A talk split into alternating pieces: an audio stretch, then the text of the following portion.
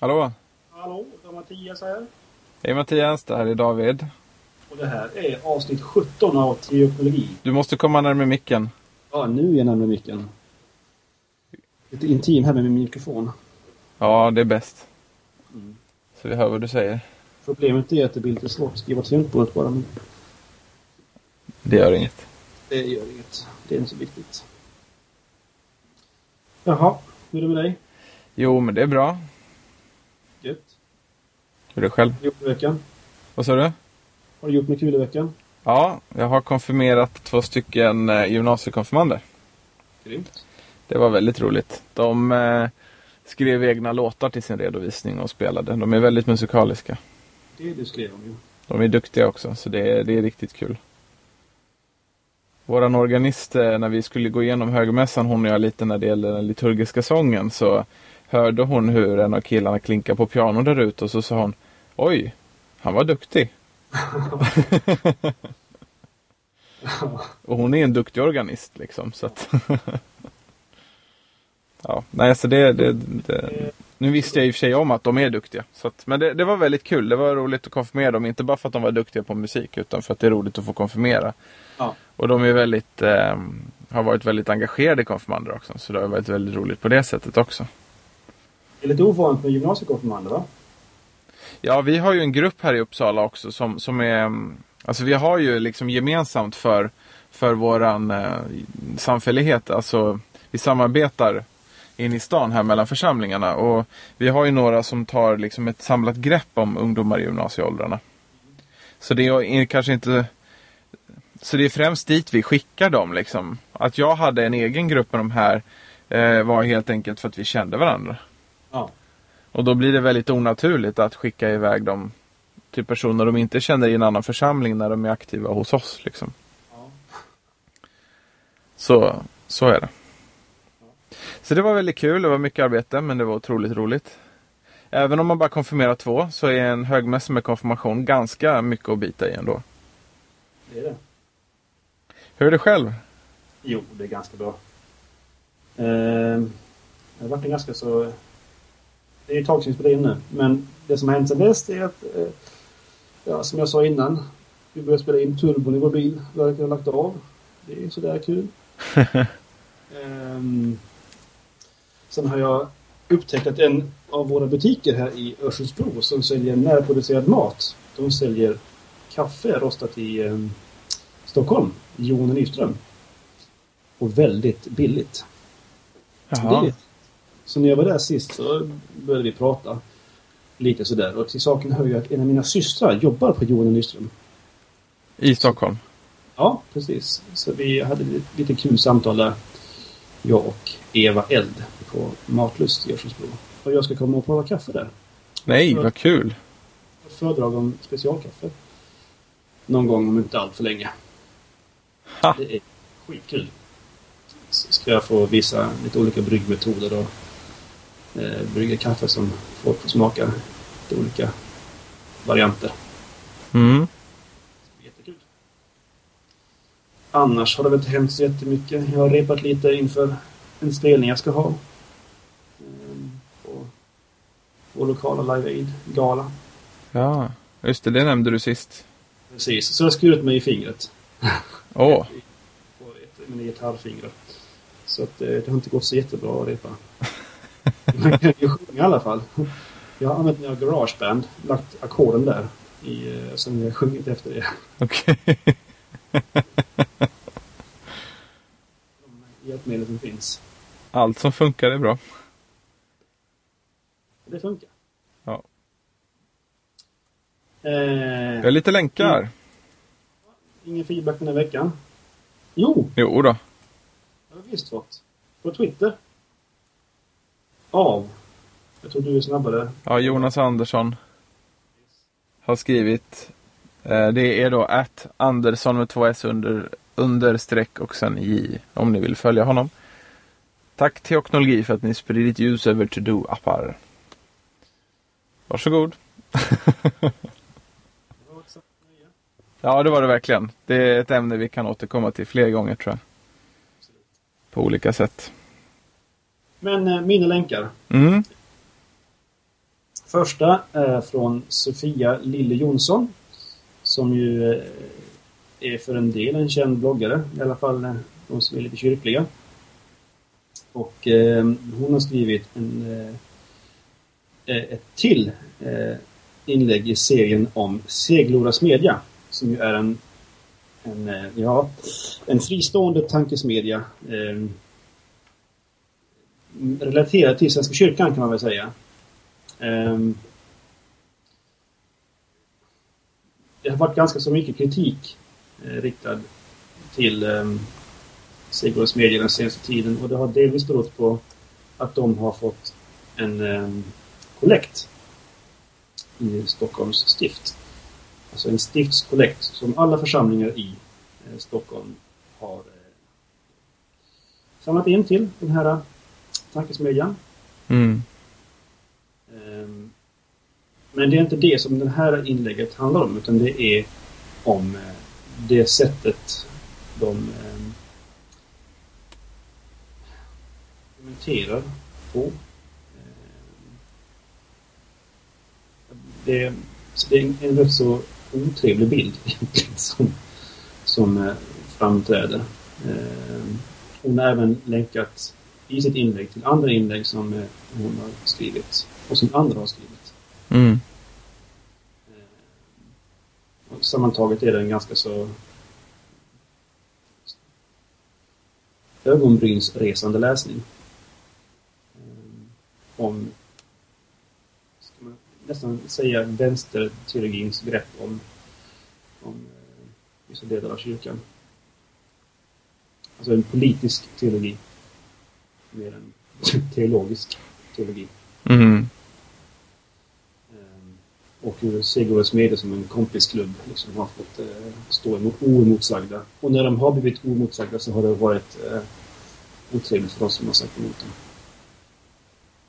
Jag tror att där har vi en stor del av det som är Svenska kyrkans problem i ett nötskal, nämligen politiskt motiverad teologi.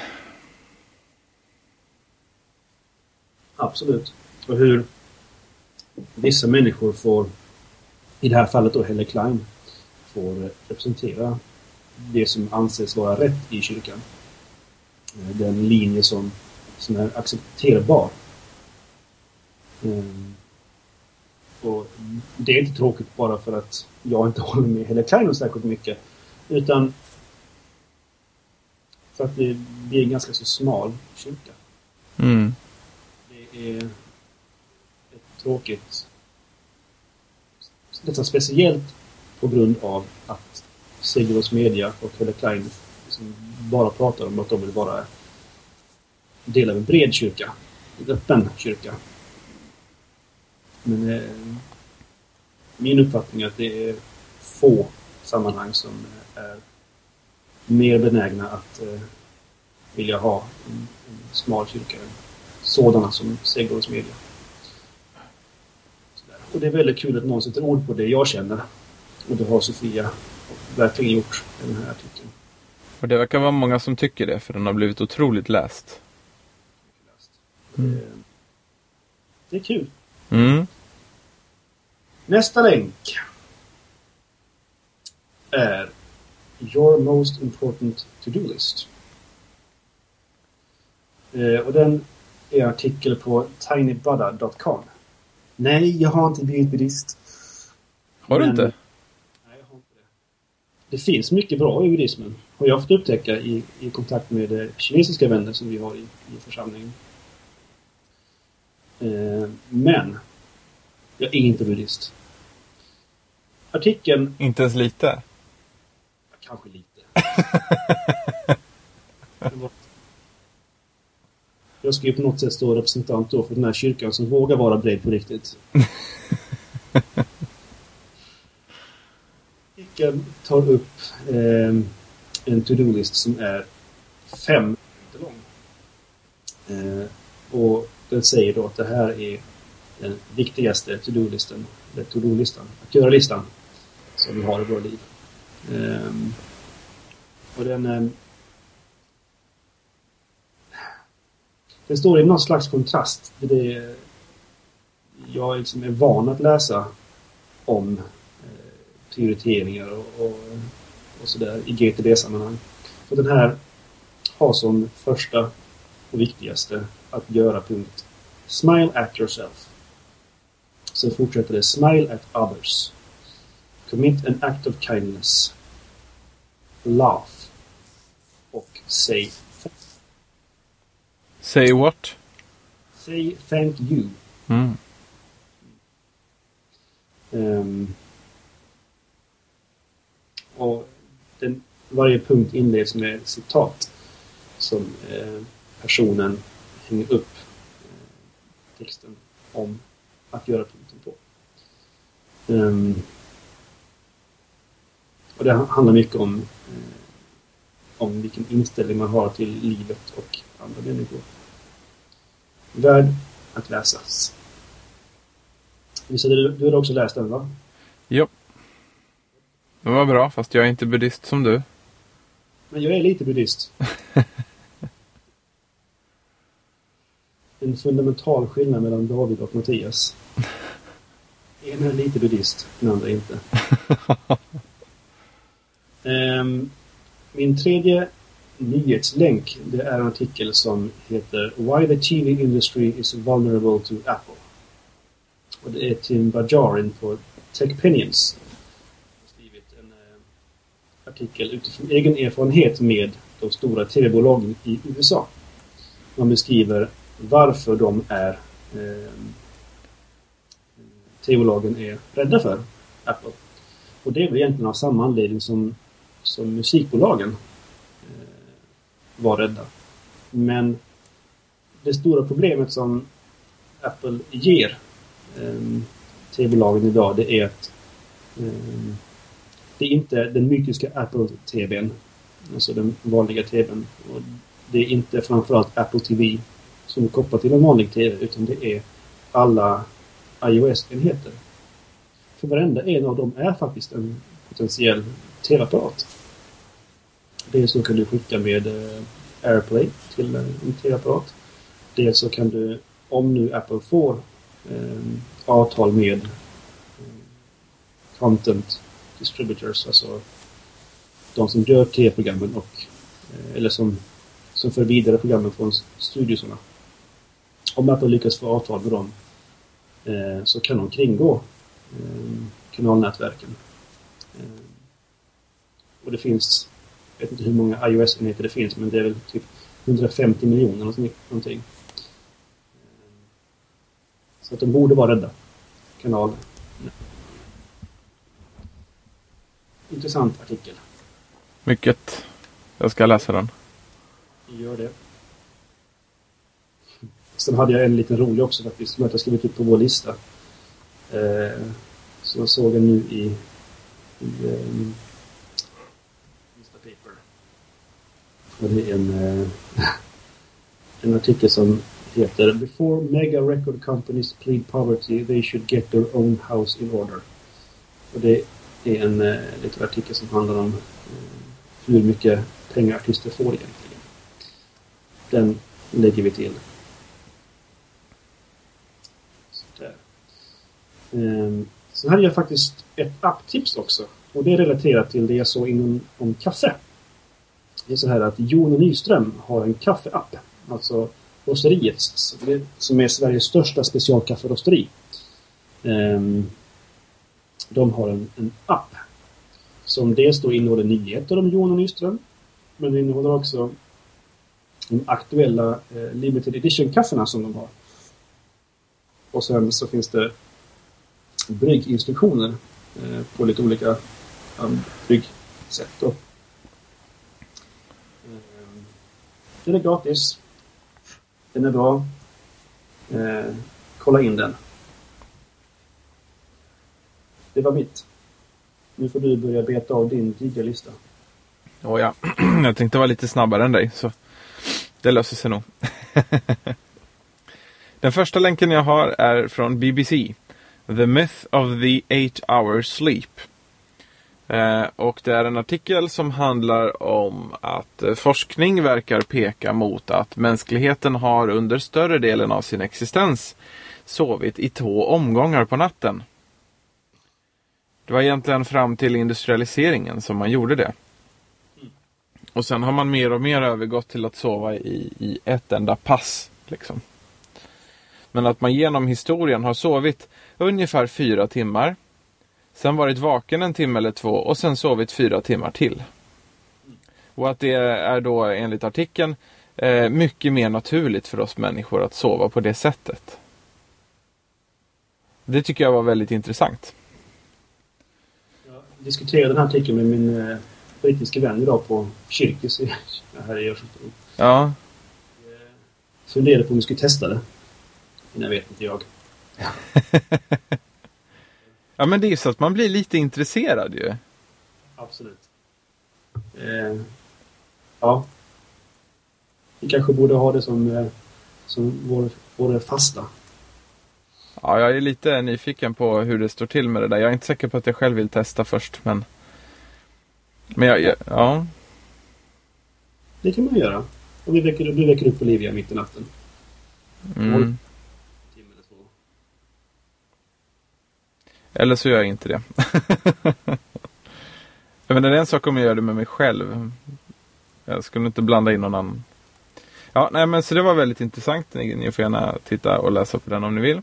Eh, nästa två hänger ihop. Det första är DN som har en artikel som hette Facebook sprider olycka. Jag tänker inte göra mig besväret att återge vad den säger. Helt enkelt därför att det var så dåligt underbyggd studie som de byggde artikeln på. Och det är det nästa länk handlar om som är från Britt Stockston som är lite av en sån här social media-guru. Hon skriver på sin blogg eh, om, om det dåliga, märkliga urvalet och hur man har ja, använt det i en seriös inom citattecken tidning. Då. Mm. Det är väl en seriös tidning för det mesta, men det är mycket kopieringsjournalistik och slarv överlag i vanliga tidningar. Så det är därför jag är lite kritisk. Okej, eh, nu hoppar vi till något annat. Reflektion utifrån biskop Antjes föreläsning. Eh, hon föreläste nyligen i USA i samband med ett firande av något. Hon är ju något av en expert med på, på relationen mellan vetenskap och religion. Och det här var en intressant, eh, en intressant reflektion utifrån hennes tal då, som jag länkar till. Jag har även länkat till eh, biskop Antjes eh, Twitterkonto. Eh, om du bara trycker på hennes namn. Så det var den länken och sen så har jag min sista vanliga länk och den är från The Wall Street Journal och artikeln heter Why Doctors Die Differently. Och den är väldigt intressant och den rekommenderar jag väldigt varmt att läsa. Och den handlar kort och gott om att läkare är ganska noggranna med att avgränsa mängden behandling de är villiga att ta emot. De ser vad behandling gör med folk. Liksom. Och eh, dör därför hellre tidigare. Eh, men har större frihet att leva som de vill under den tid de lever. När det är sjukdom och sådär. Mycket tänkvärt. Så jag rekommenderar den väldigt varmt. Eh, sen så hade jag två apptips. Det ena tror jag att jag kan ha nämnt. Men jag vill, jag vill särskilt omnämna det nu. Det är mark, eh, appen som heter Marked. M-A-R-K-E-D. Marked. Den är för, för OS 10, alltså för macken. Eh, det är en app som visar den är framförallt till för Markdown. Så känner man inte till Markdown så kan man ju lyssna på um, vilken teoknologi var det? Det var någon av de första. Ja, någon av våra första teoknologiavsnitt så pratar vi om vad Markdown är, men i kort och gott så är Markdown ett, ett sätt att skriva vanlig text på. Och man sparar sin text i vanliga textfiler vilket gör att de går väldigt lätt att öppna om väldigt lång tid också och är då läsbara.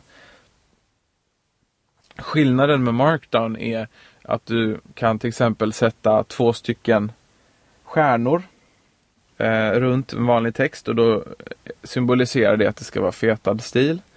Eh, du kan göra länkar på ett liknande sätt och du kan göra rubriker genom att sätta brädgård Olika många beroende på vilken rubrik du vill ha. Och sådär. Vinsten med det är att du får text som fortfarande är läsbar men du kan också omvandla den här texten till till exempel HTML eller till text för att skriva ut eller sådär. Och Mark är då en app som eh, bevakar textfiler som du vill och visar dem i ett fönster som, som eh, formaterade sen då. Så jag har till exempel ett fönster här för våra shownoter då vi skriver i våra länkar i Markdown och sen så, så, så sparar vi dem i en vanlig textfil och sen så, så kan jag se det i Marked app hur det ser ut. Liksom. Hur länken ser ut. Och det är, det är en väldigt bra app om man gillar sånt. Eh, den andra länken det är eh, eh, en app som kom ut ganska nyligen. Det är Adobe de har släppt eh, Photoshop Touch. Och det är då en version av deras Photoshop-programvara som är särskilt för iPad. Jag har inte använt den så väldigt mycket än. Eh, jag har använt den lite grann på min iPad eh, och tycker att det är väldigt imponerande. Hittills har jag bara, i princip har jag bara följt en tutorial och har bara det är häftigt att de har tutorials inbyggt. Eh, frilagt en person då ur en bild och sen lagt in en annan bild som bakgrund. Liksom. Och tycker att det här är väldigt lovande och intressant. Så jag ska försöka se om jag inte så småningom kan avsätta tiden för att lära mig den här appen lite mer. För jag tycker att den, den verkar kunna göra en del intressanta saker. Så det var mina apptips och du la in en länk här ser jag till eh, teknologi avsnitt 2. Då pratar vi om Markdown.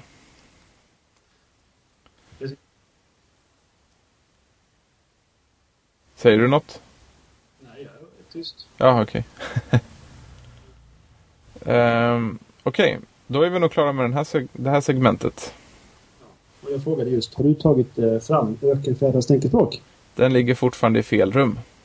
Jag har helt misslyckats med detta projekt.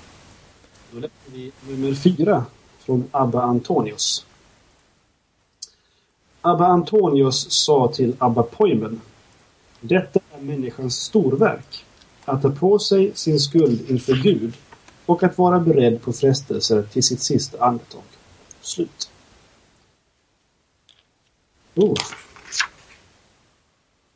Att ta på sig sin skuld inför Gud och att vara beredd på frestelser till sitt sista andetag. Vad säger man om det? Vårt storverk.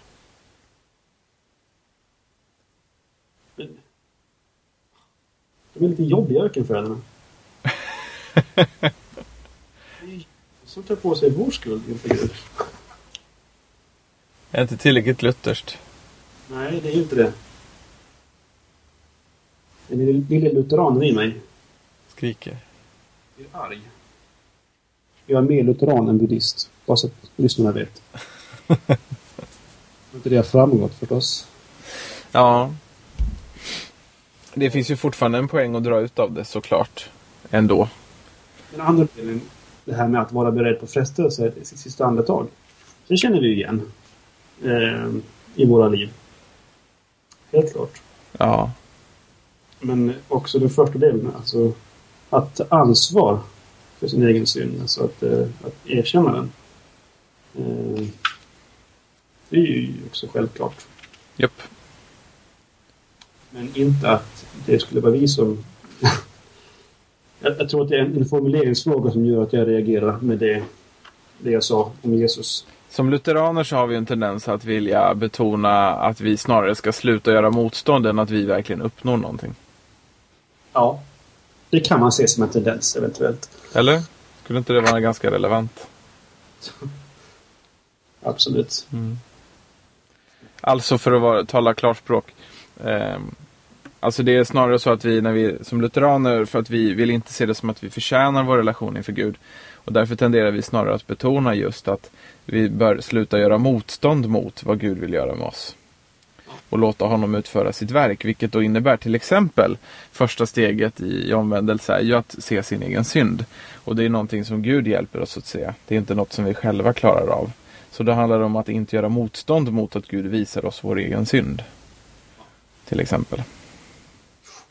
Det är ju då en luthersk omtolkning av Abba Antonius. Där slutar vi! Ja! Veckans ämne. Arbetsmiljö och arbetsplats. Oh yes. Möten. Åh. eh, typ schemalagda. Utan agenda.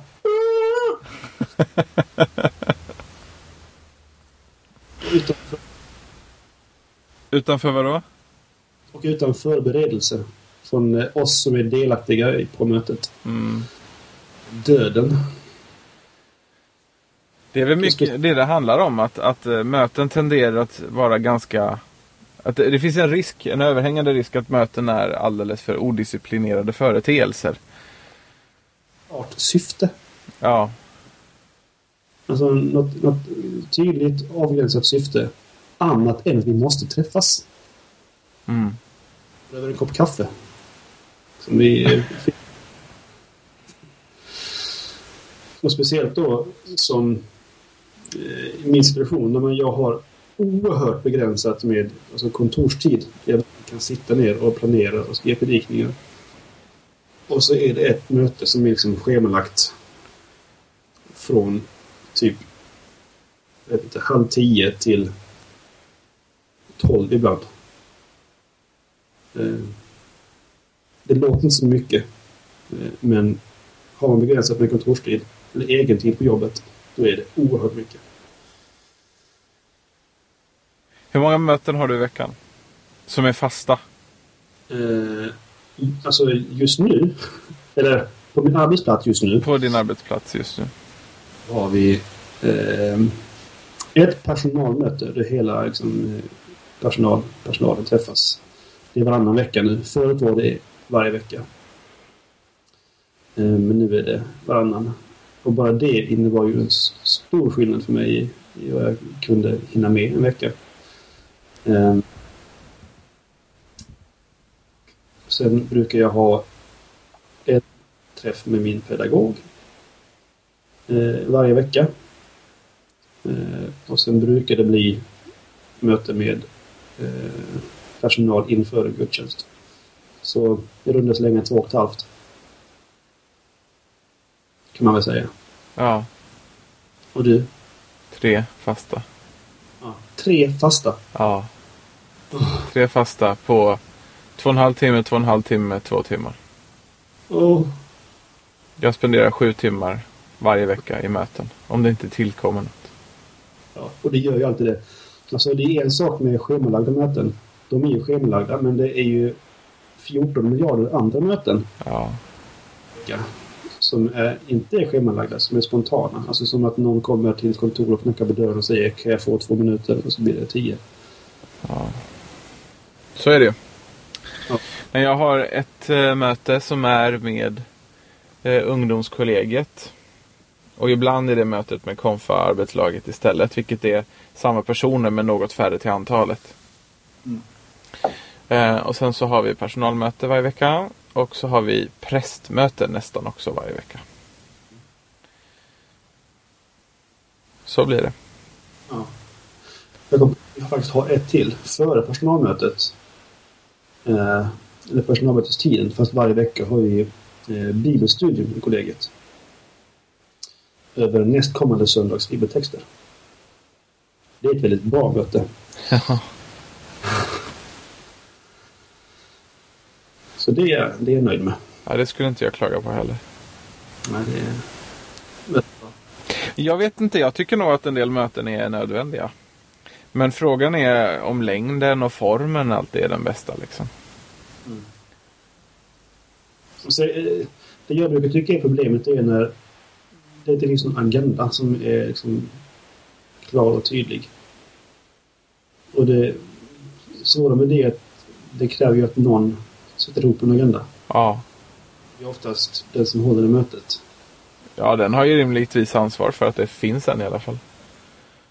Oftast typ du och jag. Ja, ganska ofta men verkligen, nej, inte oftast. Nej, okej.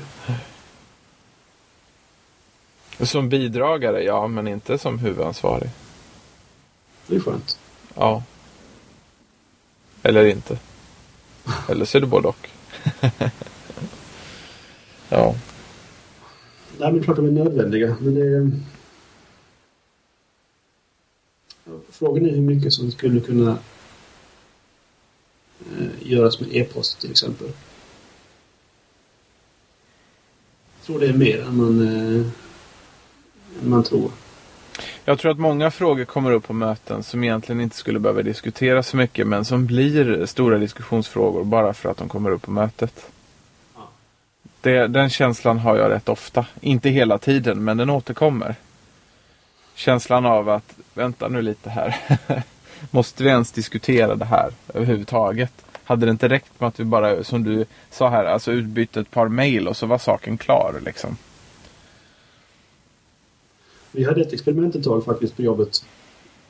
När det gällde just dagordningen. Att den sattes på, tror jag, måndag eller tisdag samma vecka. Och, eh, som personalmöte som då var på torsdagar. Och då, om man ville ta upp någonting på personalmötet var man tvungen att mejla den som var ansvarig för dagordningen, det vill säga kyrkoherden i det här fallet. Och sätta upp sin punkt på listan. Eh, Så då tillkommer, förut, utöver de punkter som alltid är med på listan. Det eh, fungerade... Alltså mötena blev ju mycket, mycket bättre. För då var man tvungen att förbereda sin, sin punkt. Eh, och så fick vi bara ta upp det som var på... Ehm, till saken hörde att vi hade en eh, sista punkt som heter övriga ärenden. Aj, aj, aj. Så det blev bra fram till den sista punkten. Ehm. Mm. Om det är någon av mina kollegor som lyssnar nu så vill jag bara säga att jag har väldigt trevliga personalmöten. Ehm, men det är just det när det kommer i samband med ett pressat, redan pressat schema. Mm. Ja men det är ju samma här. Jag har också, jag har också en trevligt sammanhang. Det är inte det liksom. Det är ju helheten på något vis som man, som man behöver diskutera. Liksom, som man behöver fundera över och när det gäller möteskultur och sådana saker. Men det är väl en vettig sak det där med att man har ansvar för sin punkt och sådär. Det känns ju rätt självklart egentligen. Jag tycker också en viktig, en viktig sak det här när det gäller möten. Det handlar om att förbereda sin punkt. Det handlar både om att själv vara tillräckligt påläst för att hantera punkten. Men det handlar också om att klara av att vara så pass koncis. Som det bara är möjligt. Alltså att frågor ska inte behöva bli större än vad de är. Liksom man ska tänka till så att de får det ramverk som behövs för att kunna diskuteras. Man behöver inte berätta liksom eh, allt man kan om den här frågan innan man pratar om den. Liksom. Eller berätta om flera andra exempel eller något annat som kanske inte berör det här sammanhanget. Liksom. Och är det så att man inte har förklarat nog mycket så kommer ju folk fråga och då kan man ju fylla ut. Ja, jag menar i alla fall när man tänker igenom frågor innan då har man ju oftast då vet man ju vad som behöver sägas för att frågan ska kunna diskuteras på ett rimligt sätt. Liksom. Och om någon annan tycker något annat så kommer det komma fram oavsett. Ja. Så att det är egentligen handlar det ju mycket om att, att man förbereder sina frågor. Tror jag. Mm. Alltså jag vet inte. Alltså på ett sätt ja. Alltså sådana här schemalagda möten som alltid är satta. Det är ett problem. De kan man hantera. Men det här med de spontana mötena. Eh, när folk kommer till kontoret eller när man själv går till någon annans kontor. Ja. Det känner. Um, de tycker jag är mycket svårare att, att hantera. Ehm, jag hade en, en tid när jag stängde dörren till mitt kontor. När jag inte ville bli störd. Men det hjälper ju liksom inte. För folk kan ju knacka på. Ja. Ehm, och sen öppna dörren. Och sen är ju mötet igång. Ja. Men visst är det så att du kan arbeta hemifrån va? Det gör jag inte. Nej, du gör inte det. Nej. Undantagsfall någon enstaka gång. Jag kanske är hemma en timme i månaden. I snitt liksom. Ja. Det är inte en hjälp. Jag, jag kan jobba bra på jobbet. Mm. Jag är oftast ostörd mest. Jag är, ofta, jag är ostörd den större delen av tiden.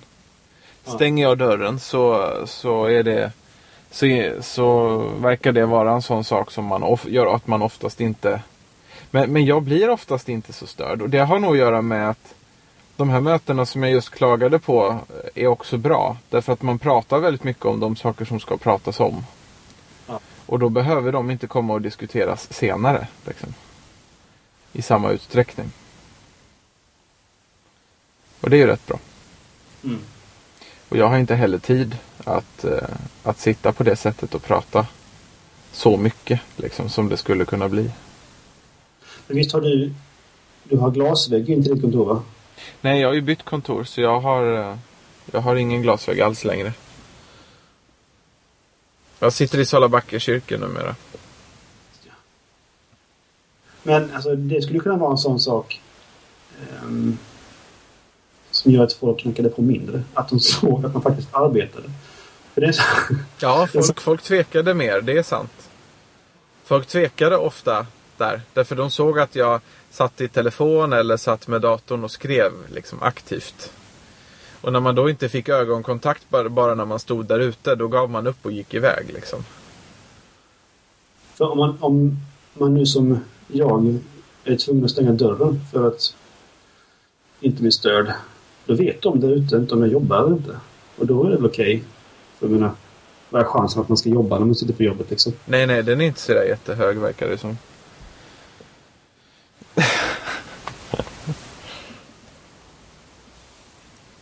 Jag har försökt ehm, använda mig av e-post för att minimera sådana där grejer. Alltså istället för att gå till en, till en kollegas kontor eh, så lägger man iväg ett e-postmeddelande. Men det kräver ju att kollegorna är bra på deras e-post.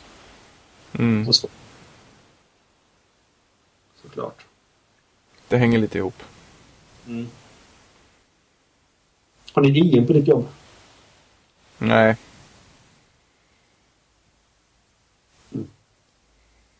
Så körde jag och min gamla pedagog mycket. Av våra sådana där små eh, ja, mikromöten. Körde vi IM istället. Även om det- det bara var typ 15 meter mellan våra kontor. mm. Så var det ett väldigt bra sätt att inte störa varandra.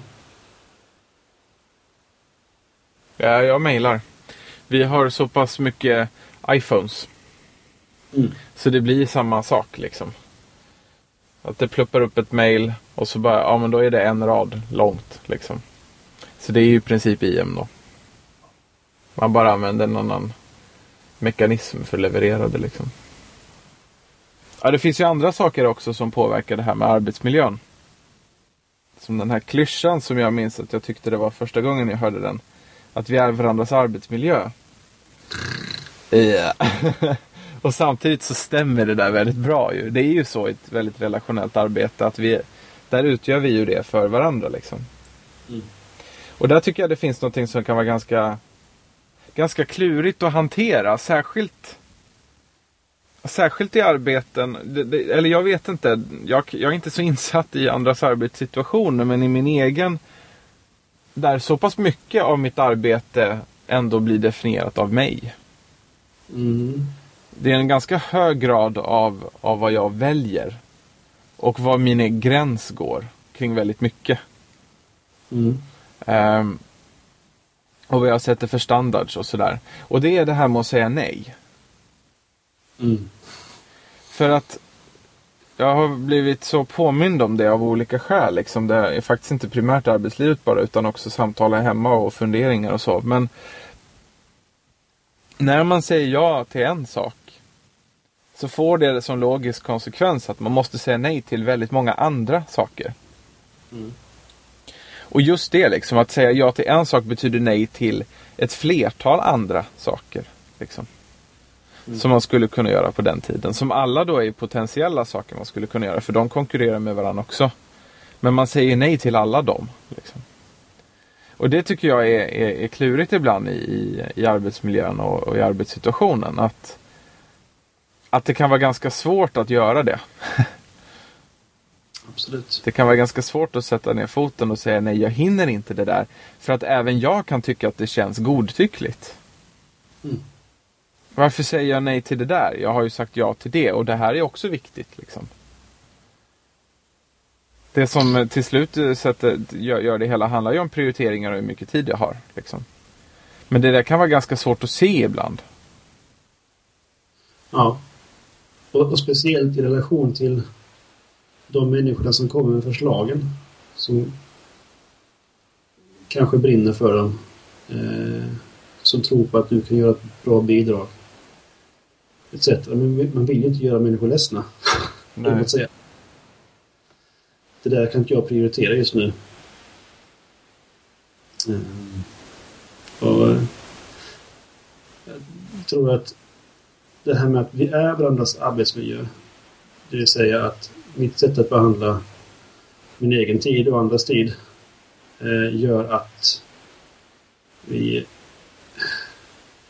kanske nästan är väl villiga att, att säga ja till saker vi inte har tid med.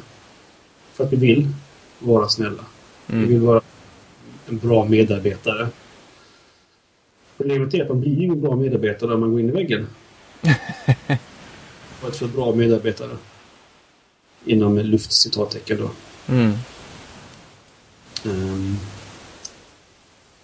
Det är väldigt eh, klurigt. Ja, i alla fall när man har en arbetssituation som man i så hög grad själv får påverka. Och till och med bestämma väldigt mycket över. Så, så blir det ju också, för så är det ju i kyrkan och då, och då blir ju det väldigt mycket upp till mig själv att, alltså att sätta ner foten. Mm. Åt olika håll liksom. Och det kan tyckas godtyckligt utifrån. Liksom. Mm. Men det betyder ju inte att det är det. Och det är det jag tycker är svårt med Svårt med det, för jag ser ju på något vis det själv också. Liksom att ja, Om jag säger nej till det här nu, då kommer det verka som att jag inte gör någonting. Sen kanske det inte ens är så. Det kanske inte är ens någon som tycker det. Men bara att jag har suttit och gjort gissningsleken så har jag ju satt dit mig själv på något vis.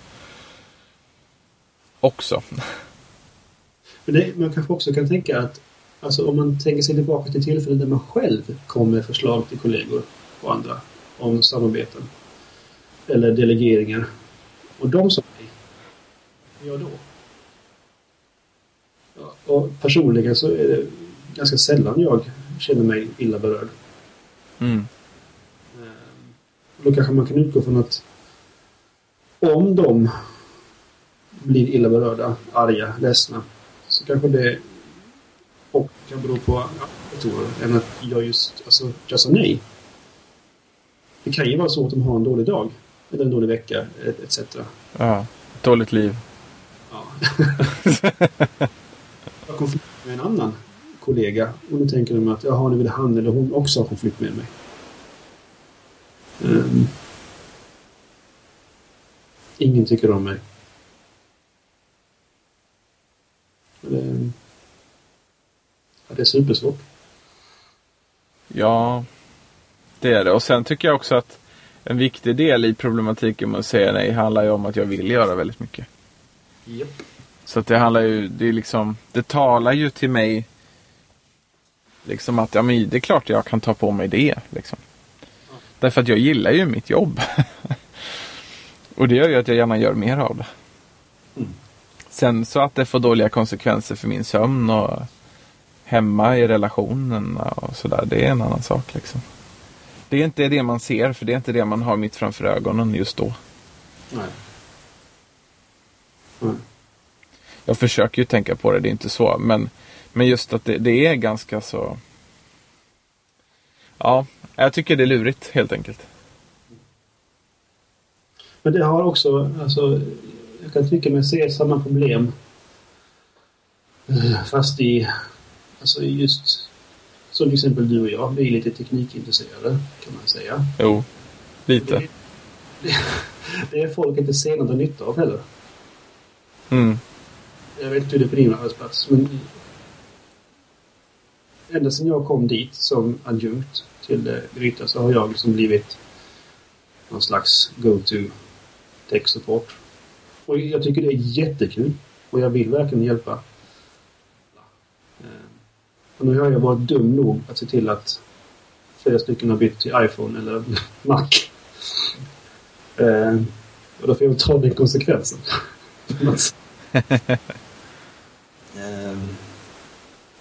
sådär. Men eh, ja, det kan ju innebära att man får problem. Ja. Jag har inte så mycket av det problemet. Shit. Jag drog sönder min hörlur. Wow. Jag satt och pillade med mina dyra klippköttar. Så drog jag sönder den. Det var inte bra. Får se om det fungerar. Kan du prata lite? Hallå, hallå. Nej, den funkar fortfarande. Vilken tur. Då måste jag bara limma. Ja. Mm. Nej, men... Eh, det hände något där, ja. Nej, det var det här med techsupporten. Jag tänkte bara säga att så är det faktiskt inte för min del. Trots att jag, jag... Eller så här, det är lite både och. Man kommer ofta till mig först Ja. eh, med saker. Därför att eh, man, vet, man vet att jag kan väldigt mycket. Och sen så gör jag en ganska snabb bedömning av situationen. Och är det så att jag tror att jag kanske kan hjälpa till, då följer jag med bort och tittar på datorn. Eh, och, och ibland så är det som det var för inte så länge sedan, att det är, det är helt enkelt tangentbordet som håller på att lägga av så att en tangent fastnar. ja. Och det kan ge väldigt förvirrande fel på skärmen om man inte vet vad det är som kanske är fel. Liksom. Ehm, och, och så till exempel. Och då kunde jag fixa det väldigt snabbt. Liksom. För då kunde jag gissa det väldigt fort att ja, men det är nog tangentbordet här som har Det är nog helt enkelt ja, om det var kontroll eller Alt GR eller vad det var som hade fastnat eller tenderade att fastna. Liksom. Mm. Och sådär. Så behövde bara tangentbordet bytas ut och sen var allt bra. Liksom. Andra gånger så kan jag ganska fort säga ja det där kan jag inte göra något åt. Liksom. Och då har ju vi IT-stöd. Vi har, alltså, vi har en enhet som heter det. Liksom. Och de är ju till för sånt. Så att Det har att göra med att vi inte eh, är i stan. Så vi har inte nära till IT-stöd.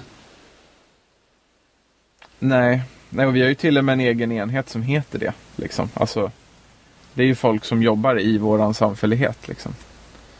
Som är vår egen support. Ja. Företag som vi anlitar. Ja. Och det gör ju skillnaden för oss att det är väldigt nära till, vår- till och med folk som är våra kollegor. Liksom.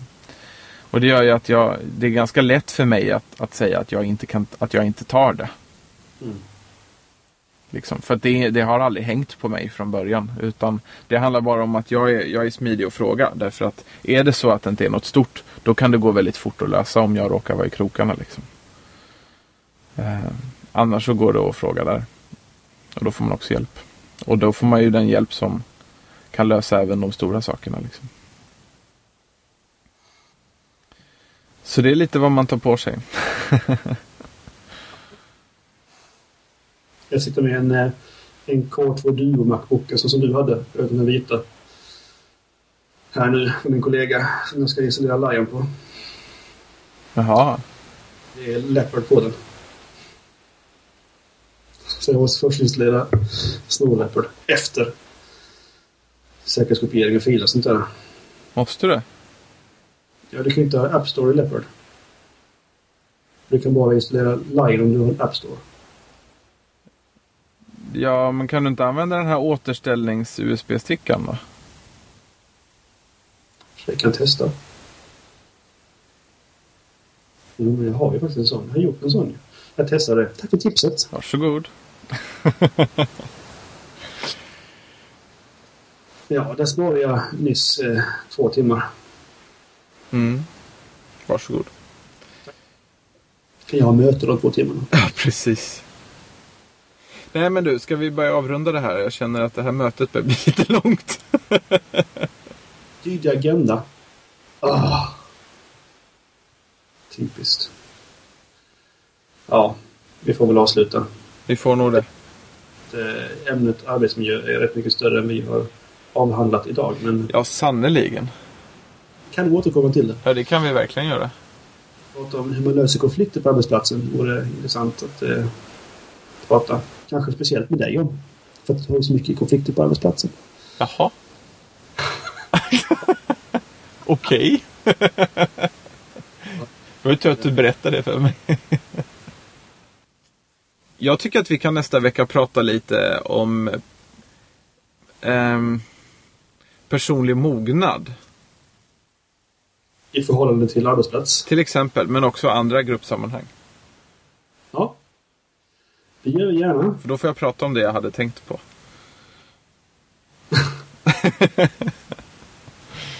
men det är ju större än bara arbetsmiljö, så därför så är det lämpligt, tänker jag. Nästa veckas, eh, alltså frågan till nästa vecka. Är du personligt mogen? Ja, precis. Och om du inte är det, varför? Vi får tacka så mycket för den här gången och så får vi önska alla våra lyssnare en god vecka och vi hoppar helt enkelt över veckans fråga. För vi kom inte på någon klok sådan. Hej då. Hej då!